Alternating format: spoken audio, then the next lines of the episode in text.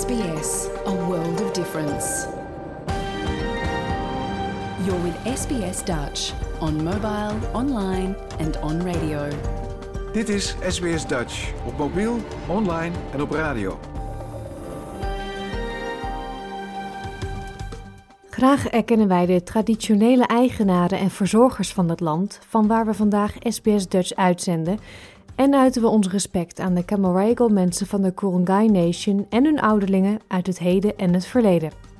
Ook kennen we de traditionele eigenaren van alle Aboriginal en Torres Strait Islander landen, van waar u vandaag naar ons programma luistert.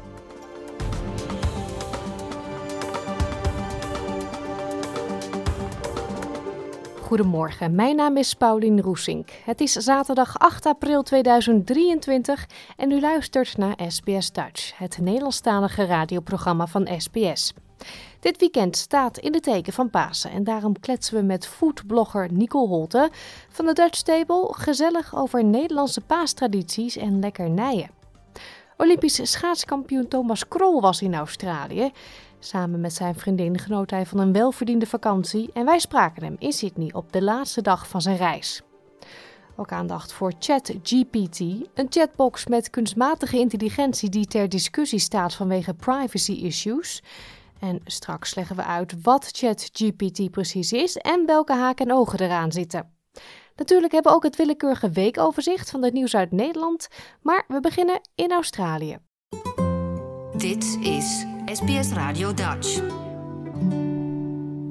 De Greater Bilby-populatie in het wild is in de afgelopen jaren in rap tempo afgenomen, onder meer door de aanwezigheid van vossen. Uit de meest recente telling van Australian Wildlife Conservancy, kortweg AWC, blijkt dat het aantal bilbies in wildlife sanctuaries in één jaar tijd juist is verdubbeld. Gisteren sprak ik met Joey Clark van AWC over dit goede nieuws en ik vroeg hem als eerste of hij het bijzondere diertje eens wilde omschrijven. Yeah, sure. Um, bilbies are a small Australian marsupial, and they're in the same family as bandicoots. So people might be more familiar with bandicoots. They're mammals that are probably a similar size to a rabbit, and in some respects, they look the same. They've got big, long ears, but they're different because they don't eat grass. They have a, a really wide diet. So they dig with strong front paws for grubs, seeds, roots quite a broad diet. So they're omnivores and they've got quite sharp teeth. And then they've got this big fluffy tail, which is black for the first bit, and then with a white fluffy um, kind of flag on the end. So when they're hopping hopping away, you can see this white tail kind of waving through the air above them.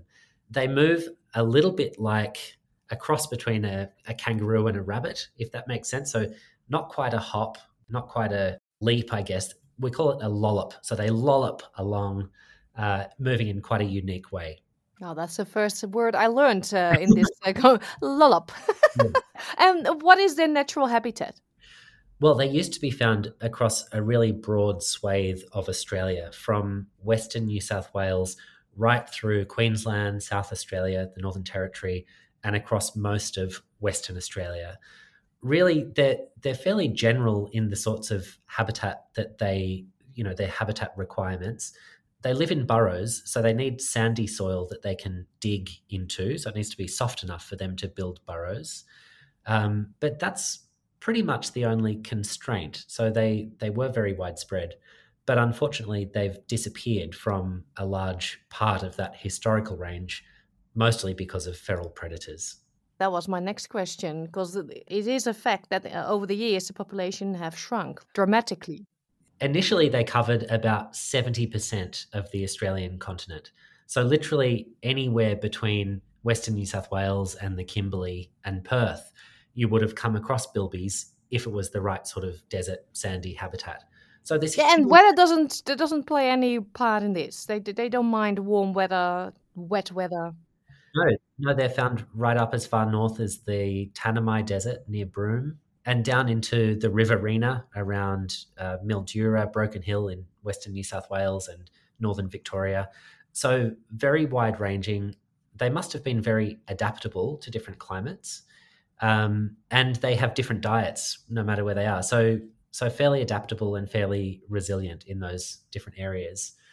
it seems as though they've disappeared from everywhere where there are fox populations in, in good numbers. So, as we know, when Europeans colonized Australia, they brought with them a whole range of feral animals, and that included cats and foxes. And they're the two species of predators that have really brought the most damage to Australia's native species, especially mammals. And for things like the bilby, which are just the right size for a cat or a fox to eat, they were just decimated very soon after cats and foxes spread. So the places that bilbies survive now, mostly further north than foxes have been able to establish.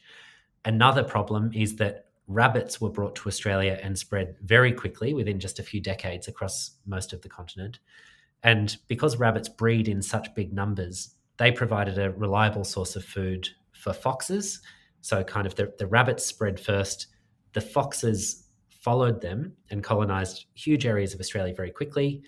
And then, when the rabbit numbers collapsed, foxes switched the prey species they were eating. So, instead of rabbits, they started eating the native animals, and that's things like betongs and bilbies and bandicoots. And before long, there were a couple of dozen species of those mammals had gone extinct. Yeah, well, thank God for organizations like the Australian Wildlife Conservancy because you're trying to save these species. In wildlife sanctuaries, what is it? Is it just a big piece of land where they can live freely, but it is all fenced off? Yeah, that's right. So, our organisation, Australian Wildlife Conservancy, runs a really large network of non government conservation areas that we call wildlife sanctuaries. The area we work across now covers almost 13 million hectares, so about twice the size of Tasmania. And on many of these sites, we establish fenced safe havens. So these are feral predator free areas with quite serious infrastructure in terms of fencing. So the, the fences that we need to build to keep out cats and foxes are about six feet high. They're electrified, they run 7,000 volts around the outside and they also have a floppy top, so a kind of overhang at the top of the fence, so that uh, animals can't climb over. Into these safe havens, we can then, you know, first of all, get rid of the cats and foxes, and then re-establish populations of native species that would have been there originally, and that includes things like the bilby. So we've now established bilby populations within these fenced safe havens across six different sites on mainland Australia. And they do really well in the absence of cats and foxes, so they breed up quite quickly. Yeah, because that's great news this week. Um, you do an annual count, like a census, and it's a record population, right? It doubled compared to last year. That's right. So, science is really key to everything that we do, and we monitor each of these reintroduced populations very closely. Over the last few years, we've started to collate our bilby population estimates into an annual census that we release around Easter time when there's so much attention on the bilby. And this year, we're really, really pleased to see that the latest estimate is more than double the 2022 estimate. So this year, across those six sites, we now estimate there are over 3,300 individual bilbies across our sanctuaries. And that's a fantastic result because this species in total you know, one estimate about a decade ago was that there might have been only 10,000 left in the wild. So we're making a really substantial contribution to not only stopping the species going extinct, but also restoring it to the landscapes where it plays an important role.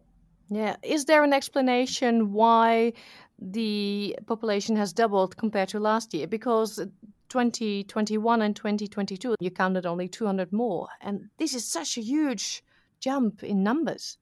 Yeah, there's probably a few things contributing to that. One is that we've established a completely new population at Newhaven in Central Australia. You know, that's a 10,000 hectare fenced area. At the moment, well, last year we introduced 66 animals as part of the founder population we expect that to grow much bigger, probably well over a thousand animals there. So there's still still space for these numbers to expand, even within the existing safe havens. So establishing new populations is one thing. It's also been really favourable conditions across many areas. So you know we've had three La Nina years with increased rainfall in lots of Australia, and we know that in general makes these ecosystems more productive. So there's more food available for for everything really, but especially for things like the bilby, which are generalist feeders. Hmm. Yeah, well, it's great news. But there was more great news this week. On Thursday, Anthony Albanese has announced that the federal government will invest more than $5 million in bilby protection programs. Yes, we really welcome this move. We know that it's difficult to get adequate funding for conservation of these threatened species. Um, it's great to see the government putting a priority on recovering species like the bilby, which are threatened across Australia. And we've also we also really welcome the commitment from the Environment Minister Tanya Plibersek to invest part of that money into fenced areas because we know that they work. We've got a really good technique. You know, this method does help to rebuild bilby populations, and so that's a, a very sound investment. hmm Are they going to do anything against foxes? Because that's one of the biggest problems, not just for bilbies, I reckon. Yeah, I think it's really important that we have strategies to deal with all of the feral animal populations in Australia. Foxes, we know, have done a huge amount of damage to native species. Um, but really, to have a meaningful response, we need to have regional uh, and and larger scale approaches. So, you know, controlling foxes or cats on one property, one sanctuary, even if it's a big sanctuary, is good, but it's not going to have an overall impact on the national collective threat that they pose to wildlife. So we need to be looking big picture and we need to be looking into the future with emerging technologies, things like gene drive that might, um, you know, they, they hold the promise of a broader scale solution to these feral animals. hmm Yeah. Well, great news for the bilby. I, I reckon those over 3,000 um, healthy little marsupials, they will stay safe within the wildlife sanctuaries, right? We hope so. And we'll let you know next Easter how they're going. We hope to see a lot more growth in those populations so that future generations can also go and see bilbies and, and enjoy Australia's amazing wildlife. Heeft u nou nog steeds geen idee hoe de bilby eruit ziet? Ga dan naar onze website www.sbs.com.au Dutch voor enkele schattige foto's. Veel mensen genieten dit weekend van een paar extra dagen vrij vanwege Pasen. Maar gaat u het eigenlijk ook vieren? En houdt u dan Nederlandse tradities in ere? Met foodblogger Nicole Holte van de Dutch Table halen we herinneringen op aan onze eigen paastradities en bespreken we enkele typische Nederlandse baksels voor tijdens de paasbrunch. Jouw gemeenschap, jouw gesprek. SBS Dutch.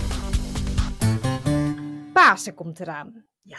En wij hadden op zondag palmpaasoptocht met een stok en zo'n broodje erbovenop. Zelf bakken of bij de, bij de bakker halen. Een broodhaantje. Is dat echt iets Nederlands? Ik denk dat het bepaalde eh, regio's in Nederland vieren dat nog steeds. Dat we het vroeger meer gevierd. Maar eh, vandaag de dag nog steeds. Het is inderdaad Palmpasen. Dat is de laatste zondag voor het einde van de vasten. Dus dat is al een uitkijk naar het weer van alles kunnen eten. En een rijkere keuken. En dan gingen de kinderen inderdaad een beetje nabootsend de inhaal van Jezus destijds. Met een stok, met bovenop een broodhaantje of een gevlochten broodje.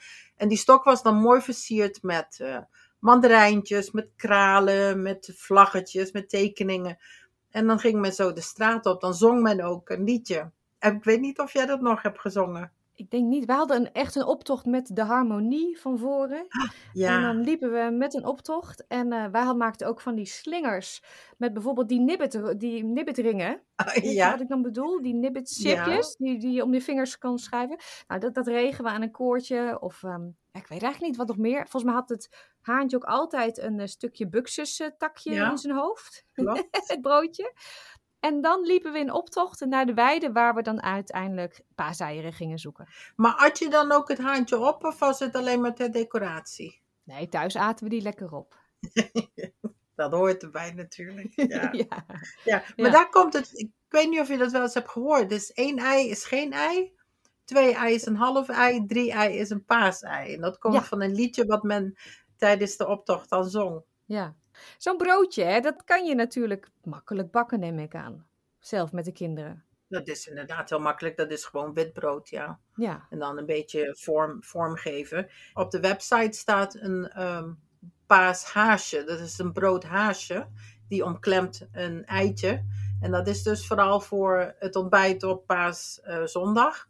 Dat is natuurlijk even die gezellige tijden dat je als familie samenkomt of voor ontbijt of voor de brunch. En dan heb je zo'n prachtig gedekte tafel met vleeswaren, allerlei soorten kaas, lekkere broodjes. Je hebt de krentenbollen, je hebt de gevlochten broodjes en natuurlijk ook de sneeënbrood.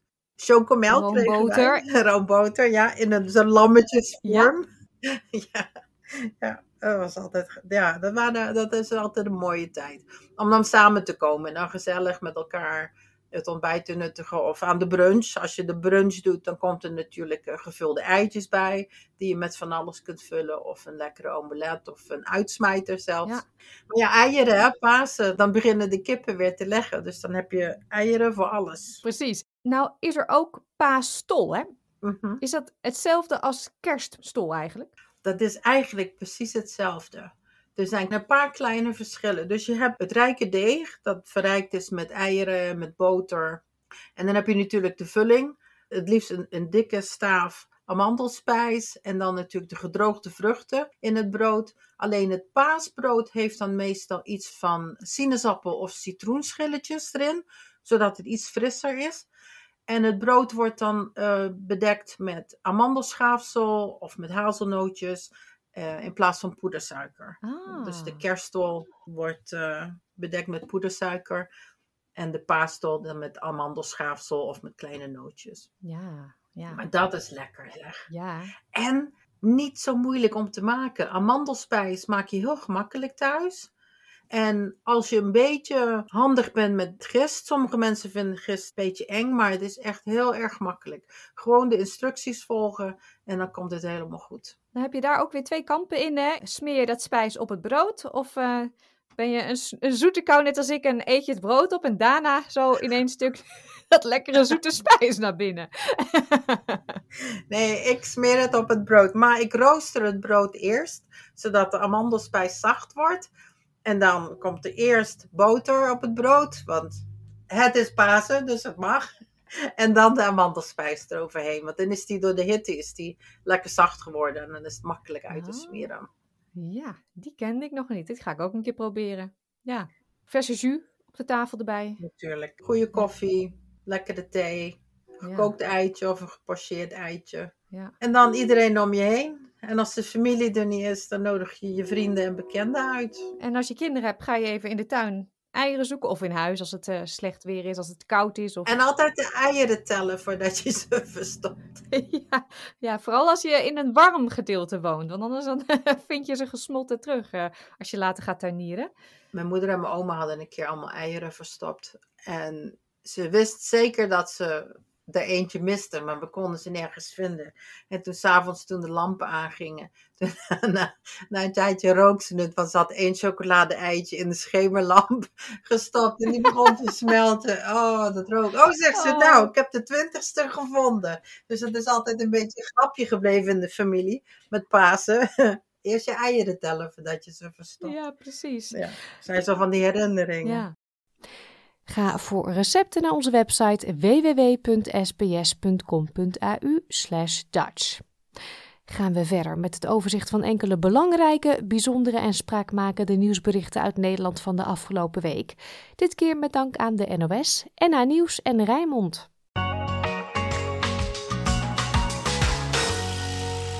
Vijftien militairen en oud-militairen hebben maandag in Rotterdam een dapperheidsonderscheiding opgespeld gekregen door minister Ollongren. Volgens Defensie zijn de militairen tijdens missies in Afghanistan, Cambodja en de Indische Oceaan met gevaar voor eigen leven opgekomen voor de belangen van anderen. Corporaal buitendienst Sebastiaan Beekman was een van hen. Hij keek met de NOS naar beelden uit 2010, waarin te zien is hoe hij samen met andere mariniers de kaping van een Duits vrachtschip in Somalië beëindigde. Er kwamen eigenlijk eh, stukje bij beetje eh, kwamen bij het begin een aantal eh, tevoorschijn. Ehm, en we hebben geprobeerd om zo duidelijk mogelijk te maken dat ze naar ons toe moesten komen. Want dat scheelt uiteindelijk een, ja, dat, is een, scheelt een hoop risico. En ja, hoe meer er naar ons toe kwamen, hoe beter. We eigenlijk aftellen. We hadden van tevoren eh, informatie gehad, eh, videobeelden, dat er eh, tien piraten aan boord zijn gegaan. En dat, dat klopte eigenlijk ook met de melding vanuit het schip zelf. Ehm, en ja, dus dan, dan heb je iets om vanuit te gaan, dat zijn die tien, tien piraten. En als je die dan eenmaal hebt, dan kun je ervan uitgaan dat het schip in ieder geval gezuiverd is van, van piraten. Tientallen leden van de klimaatactiegroep Kappen met Kolen verzamelden zich begin deze week bij de ingang van Tata Steel in IJmuiden. Ze protesteren tegen het gebruik van kolen en willen actie van de overheid. Noord-Holland Nieuws was erbij en sprak met een van de actievoerders. Kappen met kolen gaat over dat we eh, bijvoorbeeld Tata een grote vervuiler is, veel CO2 uitstoot, veel stikstof uitstoot, de grootste CO2-uitstoter van Nederland is. Um, en wij vinden dat dat, uh, wij vinden niet, dat, dat, we weten inmiddels dat uh, kolen de vervuilendste vorm van fossiele brandstoffen zijn. Uh, wij willen dat onze overheid gewoon onmiddellijk stopt met kolen. Het kan niet langer meer zo door. We, hebben al zo lang, we zijn al zo lang aan het wachten met elkaar. En zo lang aan het, aan het praten en langs elkaar heen aan het praten. Ik, ik denk dat dat niet zomaar kan. Het is heel duidelijk wat de feiten zijn. Het is heel duidelijk dat er iets moet veranderen. Dus laten we dat, laten we dat gaan doen.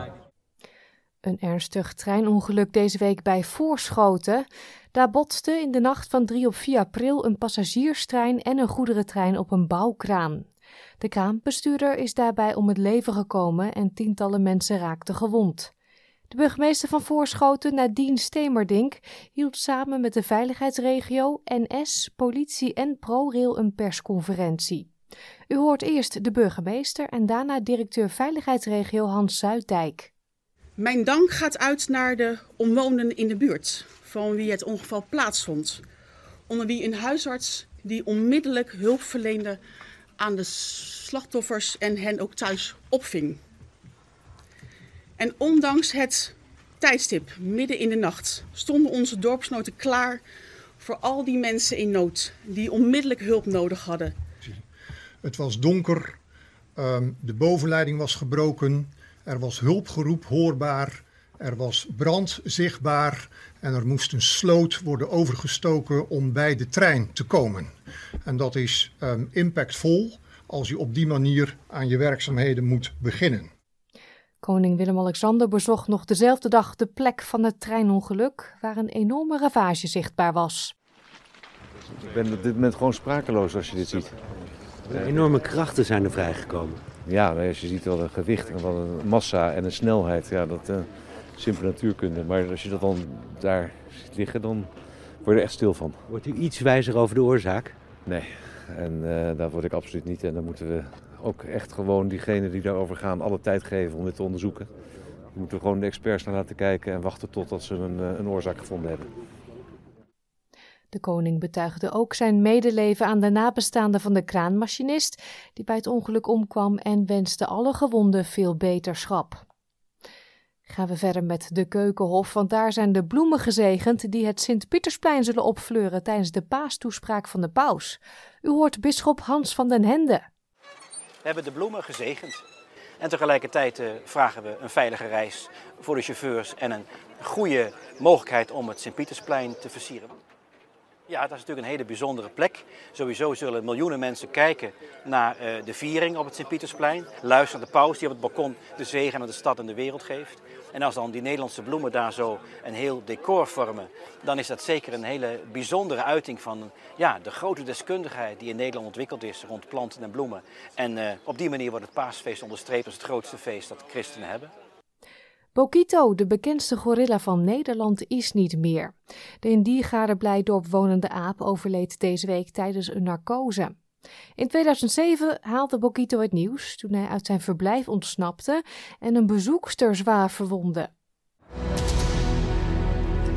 Dames en heren, goedenavond. Het had iets weg van King Kong, een ontsnapte gorilla die een vrouw met zich meesleurt en tientallen mensen flink schrik aanjaagt. Allemaal kinderen huilen en iedereen gillen en mensen rennen en uh, over elkaar heen en alles. De vrouw was ernstig gewond. Die had dus een hele, ja, de arm was helemaal kapot en ze had wat hoofdwonden. Want hij sleurde er echt vanaf de arm, sleurde die daarmee over, over, over het pad. Nou ja, het is, het is, hij heeft bekendheid gekregen uiteindelijk met zijn ontsnapping. Uh, maar hij is veel meer dan dat. Sterker nog, het is juist een heel sociale aap. Dus hij uh, staat echt symbool ja, nogmaals voor, als, als familieman. Hij is goed voor zijn familiegroep. Hè. Uh, hij leeft samen met vrouwtjes. Heeft zelfs een adoptiezoon gehad. Iets wat heel bijzonder is, dat hij dat accepteerde. Dat is heel bijzonder voor, voor gorilla's. Dus eigenlijk is het gewoon een heel lief en sociaal dier. het is een heel indrukwekkend dier. En als je hem zag, dan beseft je ook echt hoe bijzonder de natuur kan zijn. En daarmee was het gelijk eigenlijk ook een ambassadeur voor bedreigde dieren in het wild. En ja, stond eigenlijk ook symbool voor het belang van natuurbehoud. Iets waar de diergaarden en ook onze vereniging zich altijd hard voor maakt. En dat was Bart Noordegraaf van de Vereniging Vrienden van Blijdorp. Er was ook sportnieuws deze week. De klassieker Feyenoord-Ajax werd in de 62e minuut namelijk stilgelegd nadat Ajax-speler Davy Klaasens werd geraakt door een aansteker en daardoor een hoofdwond opliep. Er is met veel afschuw op het incident gereageerd, ook door de minister van Justitie en Veiligheid. Dit moet je heel goed evalueren. Wie waren deze gasten? Wat is hier gebeurd? Om ook voor te zorgen dat die regels die we met elkaar hebben, dat de handhaving ook functioneert. Maar ook dat iedereen wel zijn hoofd erbij houdt. Kijk, dit zijn wedstrijden, daar kunnen uitsupporters al niet eens bij. Nou, dat is voor de gemiddelde uitsupporter die gewoon leuk naar een wedstrijd wil echt verschrikkelijk.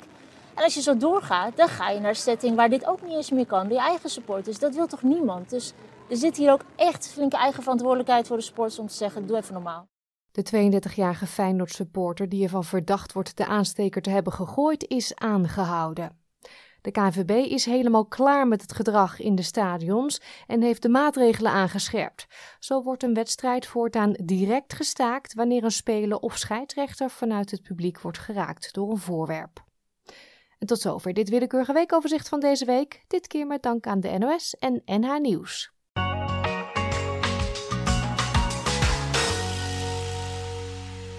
Het Volendamse duo Nick en Simon is begonnen aan zijn laatste concertreeks. Vorig jaar werd bekend dat Simon Keizer niet langer door wilde gaan als duo, tot groot verdriet van de fans, maar ook van zijn collega zanger Nick Schilder. Het zangduo kondigde zes afscheidsconcerten aan in Ahoy onder de naam Nu of Ooit. De eerste twee optredens zijn achter de rug en op 10 april is echt de aller, aller, allerlaatste. Dit zijn Nick en Simon met Pak maar mijn hand. SBS Dutch. Deel onze verhalen op Facebook. Tijdens de Olympische Spelen van Peking in 2022 kwam de droom van schaatser Thomas Krol uit. Hij werd namelijk Olympisch kampioen op de 1000 meter en won ook zilver op de 1500 meter. Toch denkt de 30-jarige sprinter nog lang niet aan stoppen. Door verre reizen naar bijvoorbeeld Australië weet hij zich nog steeds op te laden voor een nieuw seizoen. Zijn doel is om nog één keer te vlammen op de Olympische Spelen van 2026 in Milaan. Om daarna zijn andere droom te verwezenlijken: piloot worden. Ik ontmoette Thomas eerder deze week in Manly, een paar uur voordat hij samen met zijn vriendin Ramona terugvloog naar Nederland. SBS Dutch op radio, online en op je mobiele telefoon. Thomas, ik zit niet uh, elke dag met een Olympisch kampioen in Manly. Ik zit sowieso niet elke dag in uh, Australië natuurlijk. Nee, uh, hartstikke leuk om, uh, om in Australië te zijn. Het is altijd een droom van me geweest om, om een tripje heen te maken. En ja, de afgelopen 3,5 week hebben we heel veel dingen gezien. En het was echt fantastisch. En ik vind het echt heel erg jammer om ja, echt over een paar uur naar huis te gaan weer. Ja, je bent hier samen met Ramona, je vriendin. Drie weken door het land gegaan. Wat heb je zo al gezien? Nou, we zijn in, uh, in Victoria, Melbourne zijn we begonnen. We hebben de Great Ocean Road afgereden. Melbourne natuurlijk gezien. Toen naar Northern Territory gegaan. Uh, Alice Springs, uh, Ayers Rock natuurlijk. Katachuta. Of Uluru, hoe ik het natuurlijk moet zeggen. En toen nog een stuk langs de oostkust gegaan. Vanaf Brisbane omhoog, Fraser Island, Heron Island, Great Barrier Reef. Hebben gedoken. nog een paar dagen Whit Sundays gedaan. En ja, nu Sydney als afsluiting. Ja, het is echt een aaneenschakeling van hoogtepunten. En uh, ja, heel, heel cringe bijna, maar ik kom uh, superlatieven tekort om het te omschrijven eigenlijk. Maar wat was dat dat jou trok aan Australië?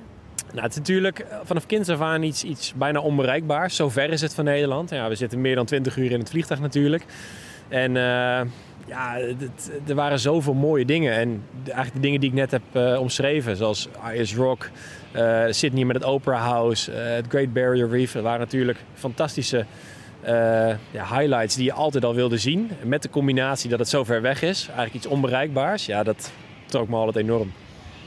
Heeft een sporter eigenlijk wel vakantie? Ja, ik, uh, ik ben echt letterlijk klaar met mijn seizoen net. En uh, de dag voor vertrek heb ik nog getraind. En we gaan nu terug naar 3,5 week. En ja, de dag later gaan we alweer naar Gran Canaria gaan we weer fietsen.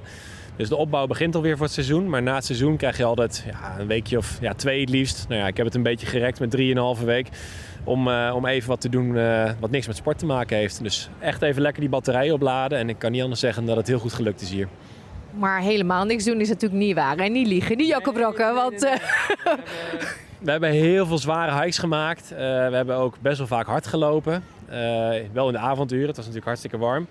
Eh, vanochtend zelfs nog hebben we nog krachttraining gedaan. Dus zeker hebben we het een beetje onderhouden. Maar het staat natuurlijk wel op een laag pitje. Want het is natuurlijk wel gewoon op de eerste plaats hier eh, een zaak om te genieten. wat is dat dan als jij drieënhalf week echt helemaal niks zou doen? Zou dat echt zo'n grote impact hebben op je lijf? Ehm, nou, dat valt natuurlijk ook alweer bij te trainen. Mijn trainer zou het liefst hebben dat ik überhaupt geen eh, rust zou nemen. Die had me ook wel het een en ander meegegeven. Wat ik niet heb, helemaal heb uitgevoerd natuurlijk. Want ja, de vakantie was al geboekt.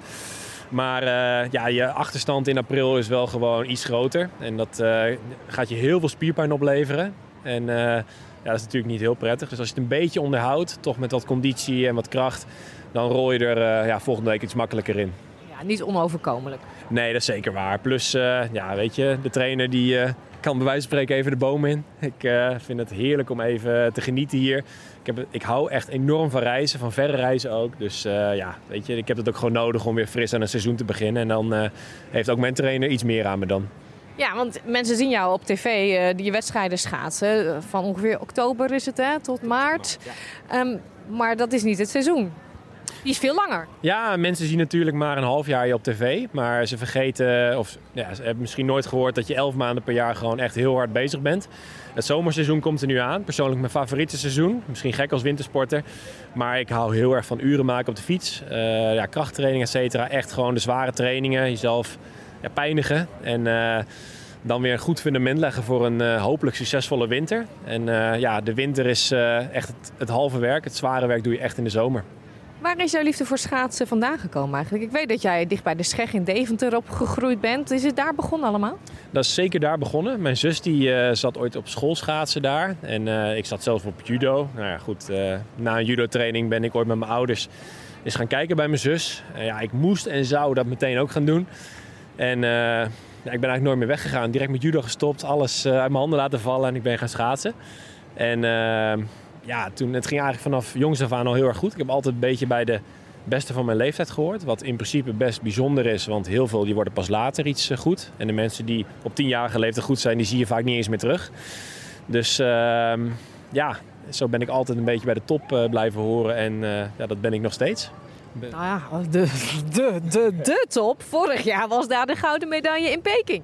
Ja, dat klopt inderdaad. Het was natuurlijk ja, toch echt mijn droomdoel om ooit Olympisch kampioen te worden. Toen ik tien jaar was, was dat echt al mijn, eh, mijn doel. En eh, ja, ik weet natuurlijk dat het niet eh, voor iedereen ja, weggelegd is, bewijzen van dat ook maar heel, dat een heel kleine kans is dat het je ooit lukt. Maar ik ben natuurlijk ja, heel blij en trots en vereerd ook dat het me gelukt is. En ik hoop natuurlijk over vier jaar er nog een keer te staan. En hopelijk mijn titel te verdedigen. En ja, dan wil ik heel graag gaan vliegen. Ja, wat is je andere droom? Piloot. Piloot inderdaad. Twee hoofddoelen in mijn leven. Olympisch kampioen en eh, piloot worden bij eh, hopelijk KLM. Maar eh, moeten we nog maar even zien. Of Qantas als het heel leuk blijft in Australië. Maar dat zien we wel. Maar wat zet jou er dan nog toe om door te gaan? Want die pilotendroom, die blijft ook niet eeuwig op je wachten natuurlijk. En je hebt die gouden medaille. Waarom ga je dan toch nog een paar jaar door voor die volgende Spelen? Ehm, ja, dat, dat, dat hebben inderdaad meer mensen gevraagd. Maar ik zou het vooral... Stel dat ik nu zou stoppen, zou ik het vooral heel erg vinden. Ik, eh, ik hou gewoon toch van het topsportleven. Ik, ik kan gewoon niet rustig stilzitten. Ik hou gewoon van trainen. En- Oh, dat wordt leuk in de cockpit. nou, tegen die tijd ben ik er wel klaar mee. Want eh, ik word nu al, eh, krijg ik een pak slagen soms van een 18-jarige Amerikaan. Dus als het vaker gebeurt, dan wordt die keuze wel iets makkelijker natuurlijk. Maar nee, ik, ik wil gewoon nog echt heel graag veel prijzen winnen. En ik ben een relatieve laadbloeier. Ondanks dat ik wel altijd bij de beste van mijn leeftijd heb gezeten... heb ik was mijn eerste wedstrijd op mijn 26e gewonnen. En eh, ja, ik voel echt dat ik dat nog steeds eh, een aantal jaar kan doen. En dus ik zou het heel zonde vinden om niet nog voor een extra wereldtitel... dat is natuurlijk meer dan alleen maar Olympisch kampioen worden... Hè, om, eh, om daar nog niet voor, voor te strijden. Nee, je bent nu 30. Je kan nog een paar jaartjes mee. Zeker, zeker. Ik wil nog drie jaar inderdaad mee tot Milaan, het Spelen van 2026. En dan ja, meld ik me bij, bij de KLS, denk ik, in Eelde. Klopt het niet dat sprinters sowieso eh, meestal wat ouder zijn eh, als... eh, of zijn het meer de duursporters, de lange afstanden? Het is vaak meer de lange afstandrijders. Die kunnen, ja, we hebben Jorrit Bergsma in ons team zitten. Ik ben misschien eh, een van de ouderen zelfs eh, in het schaatsen. Uh, maar hij is 37, dus ja, je kunt zeker nog op die leeftijd lange afstanden blijven doen. En nou ja, Hein Otterspeer, die is 34 en een hele goede sprinter. Die nog zelfs op zijn beste niveau ooit rijdt misschien zelfs wel. Dus het kan zeker, maar het gaat natuurlijk ook op een gegeven moment met blessures soms lastig worden. En tot nu toe ben ik hartstikke fit en zolang ik fit ben kan ik gewoon met de beste mee. Ja, nou, kijken we nog even terug op die paar weken hier in Australië. Ik weet dat het een onmogelijke vraag is, maar wat vond je het allermooiste? Ja, dat is echt bijna een onmogelijke vraag. Ja, dan wordt het een heel lang interview, denk ik. Um, als ik één ding moet noemen, dan wordt het echt Heron Island. Dat is echt een eiland, 80 kilometer van het vasteland in uh, het Great Barrier Reef.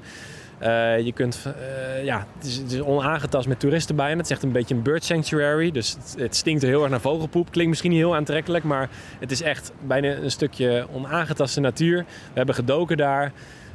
Prachtige dingen gezien. schildpadnesten, turtle hatching. Ja, reef sharks. zoveel mooi koraal. Het was echt fantastisch. Nou, ik, ik, je hebt gewoon een geweldige vakantie gehad. Ik hoor het al. En dan ja, op naar trainingskamp. Ja, op naar trainingskamp. Maar ja, we gaan samen gelukkig met mijn vriendin. En dat is nog, ja, ik noem het eigenlijk een vakantie plus, bijna. We nemen onze fiets mee, maar gaan ook zeker... De trainer daar. luistert niet, hè? Nee, maar die, heel veel mensen zijn nu in Spanje hoor. Dat, dat kan gewoon. Maar zolang we lekker aan het trainen zijn, is er niks aan de hand. En ik vind dat bijna ook vakantie. We krijgen in augustus hebben vaak ook een weekje vrij, noemen we dat. Maar dan gaan we ook gewoon vaak fietsen in de bergen. En dat is voor mij ook gewoon genieten. Dus dit was echt de vakantie en daar hebben we echt alles uitgehaald. En nu gaat de training weer beginnen. En zeker met deze opgeladen batterij heb ik daar weer heel veel zin in. En wanneer gaat echt de druk weer vol op de ketel? Uh, ik denk eind april. Ja, het klinkt heel gek, maar 22 april heb ik een hele belangrijke afspraak staan in de Belgische Ardennen. Dan moet ik 250 kilometer uh, gaan fietsen met de hele ploeg. En ja, daar maak ik misschien wel een beetje zorgen over als ik hier lekker rustig op het strand zit. Dus het is echt zaak om de uren te gaan maken en een beetje daarop voor te gaan bereiden. Dus ja, dat, dan gaat de zweep er wel weer overheen, ja. Succes en dankjewel. Ja, geen dank. Dat was een gesprek met Olympisch schaatskampioen Thomas Krol. Tijd voor wat muziek. Dit is de Dizzy Band met The Show. Dit is SBS Dutch. Italië heeft de nieuwe chatbot met kunstmatige intelligentie ChatGPT onlangs verboden vanwege zorgen over privacy. Maar wat is deze nieuwe software eigenlijk en moeten we ons echt zorgen maken over het gebruik ervan? U hoort het nu. SBS Dutch, woensdag en zaterdag om 11 uur ochtends of online op elk gewenst tijdstip.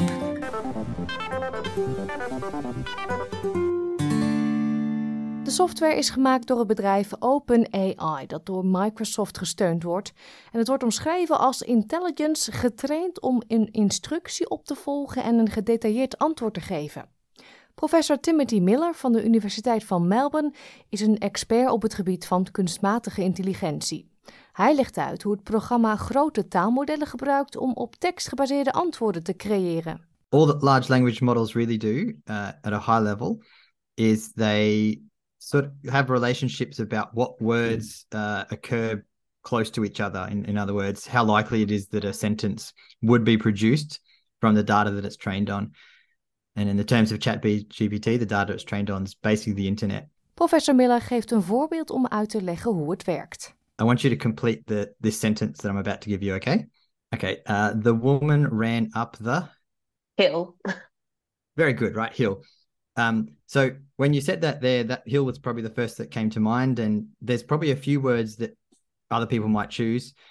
Um, stairs, for example, might be another one. Uh, but mostly you're going to choose words like hill, stairs, things that people run up.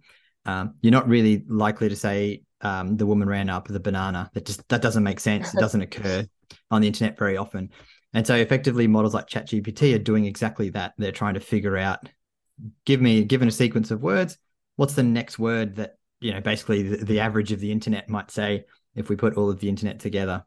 De software wordt op verschillende manieren gebruikt, onder meer om snel e-mails te beantwoorden, maar ook om bijvoorbeeld cv's te schrijven of lange teksten samen te vatten. Maar er zijn zorgen over privacy, aangezien OpenAI geen informatie verstrekt over waar de gegevens van mensen worden opgeslagen of hoe deze gebruikt worden. De onafhankelijke privacy-toezichthouder van Italië, Garante, beschuldigt het bedrijf ervan de leeftijd van gebruikers niet te controleren. Ook is er kritiek op het ontbreken van enige wettelijke basis die de massaverzameling en opslag van persoonlijke gegevens rechtvaardigt om de chatbot te trainen. Professor Miller noemt de zorgen over privacy terecht. These are simple things that people could have, that they should have thought about well in advance. Um, I mean, it's, it's to be honest, um, it's flabbergasting that they didn't think through some of these things. It's really surprising. There's been plenty of people talking about this for a long time. Um, so I would say, from a sort of you know consumer protection point of view, if you're taking storing people's data, it should be very clear wh- whether you're storing it, if it is what you're storing it, if, when you're storing it, what are you using it for, how long are you going to store it for. Those are all very basic privacy, I get, I guess, principles um, that doesn't seem they haven't seemed to thought it thought it through. And I, I wouldn't say it's because it's new. I would say it's because it was rushed uh, out without really thinking about those those concerns. Professor Janine Patterson is gespecialiseerd in privacyrecht aan de Universiteit van Melbourne en is tevens co-director van het Center of AI and Digital Ethics. Ze zegt dat gebrek aan informatie over het verzamelen en opslaan van gegevens niet alleen zorgwekkend is vanwege de mogelijke inbreuk op privacy, maar ook als het gaat om hoe gegevens worden gebruikt om menselijke overtuigingen en keuzes te beïnvloeden. This is a technology that has the capacity to analyze the data that's collected and then use that information back to us. And that can be used in the commercial interest of the person who's providing the technology or the political interest of a person who's providing the technology. So that sort of concern about, you know, prompting extreme political views and um, nudging people to um, political commercial decisions, I think is really problematic. Professor Patterson zegt dat de privacywetgeving zo moet worden gemaakt dat het de veranderende technologie kan bijhouden. Ook zegt ze dat we onze relatie met privacy en technologie opnieuw moeten bekijken. Generally, what we have at the moment is in the Privacy Act is what we call principles-based regulation. The Privacy Act is a set of principles and it's been deliberately designed that way so that we can respond to changing technology. And we also need to have a better understanding about why privacy is important. So often people, when you talk to them about privacy, go, oh, well, who worries about privacy now? We've already given everything to Facebook. Why should we worry? Well, we may have given everything to Facebook, but that is precisely the reason to worry. And it's also the reason not to, you know, give away more information. De nieuwe software heeft ook geleid tot discussies over auteursrecht en academische integriteit. Volgens berichten in de media hebben de meeste universiteiten nu de mogelijkheid om de anti-plagiaatsoftware Turnitin te gebruiken, waarmee gedetecteerd kan worden of een student een chatbot heeft gebruikt bij het maken van een toets. Maar de Universiteit van Sydney, Deakin University en Monash University zien af van het gebruik van de detectiesoftware. In verklaringen laten de drie universiteiten onder meer weten dat ze hun holistische benadering hebben ten opzichte van de technologie en dat ze studenten willen helpen AI ethisch en verantwoord te gebruiken en dat ze Turnitin niet zullen gebruiken totdat adequate tests en evaluatie kunnen worden uitgevoerd. Professor Margaret Behrman is van het Center for Research and Assessment in Digital Learning, kortweg CRADLE, aan de Deakin University. Ze zegt dat ze niet betrokken was bij de beslissing van de universiteit rond Turnitin, maar gelooft niet dat er grote zorgen zijn over het gebruik van AI door studenten op grote schaal. Professor Beerman zegt dat het in plaats daarvan universiteiten zal aanzetten om met meer creatieve beoordelingen te komen die bedrog tegen moeten gaan. Gen AI is going to be out there in the workplace. I spoke to someone on the tram. They said, "Oh, my boss is writing a policy using ChatGPT." So if people in workplaces are using ChatGPT and people are using in their daily lives, our students need to be able to navigate that world. And I think it's about time that our assessments started to match this world that they're going to be entering into. And we, we've had some disconnect with that for, for some time, I'd say.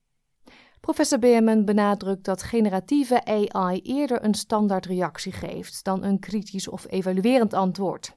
Volgens haar biedt dit studenten de mogelijkheid om hun kritisch denkvermogen op een nieuwe en relevante manier toe te passen, omdat de software waarschijnlijk onderdeel zal worden van verschillende educatieve tools zoals Microsoft Word. So within this framework, you I can see a lot of use for working with something of Gen AI to get people to critically interrogate their own views. Is what the Gen AI returning, is that reasonable? What are the problems with it?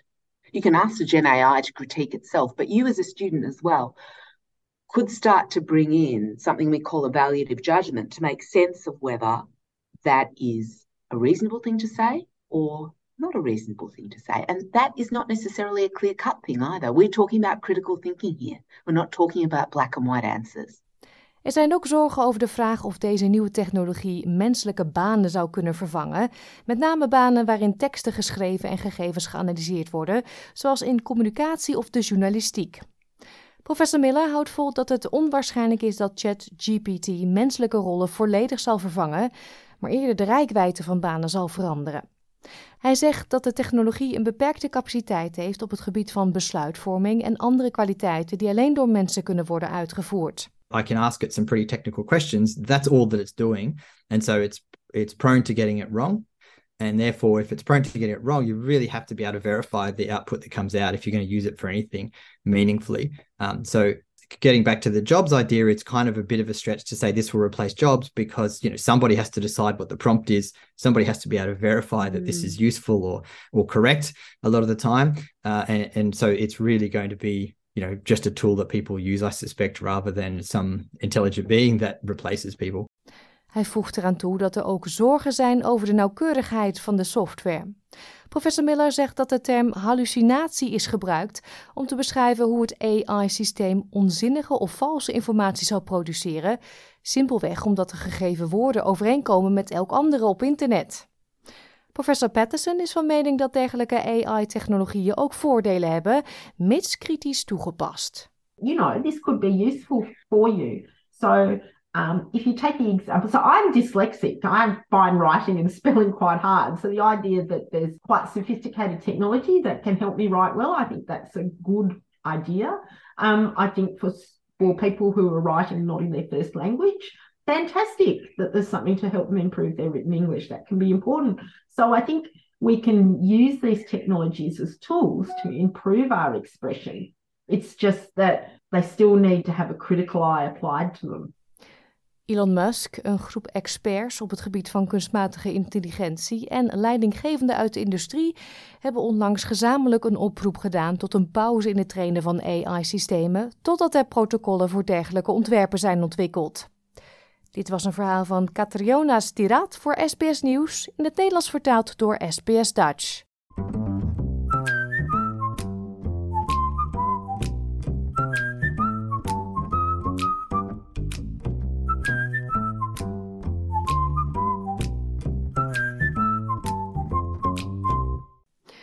Hiermee komen we aan het einde van deze aflevering van SBS Dutch. Deze uitzending en al onze andere verhalen en podcastseries, zoals Australië tot nu toe, de 12 provinciën en aan tafel, zijn terug te luisteren op onze website www.sbs.com.au/dutch.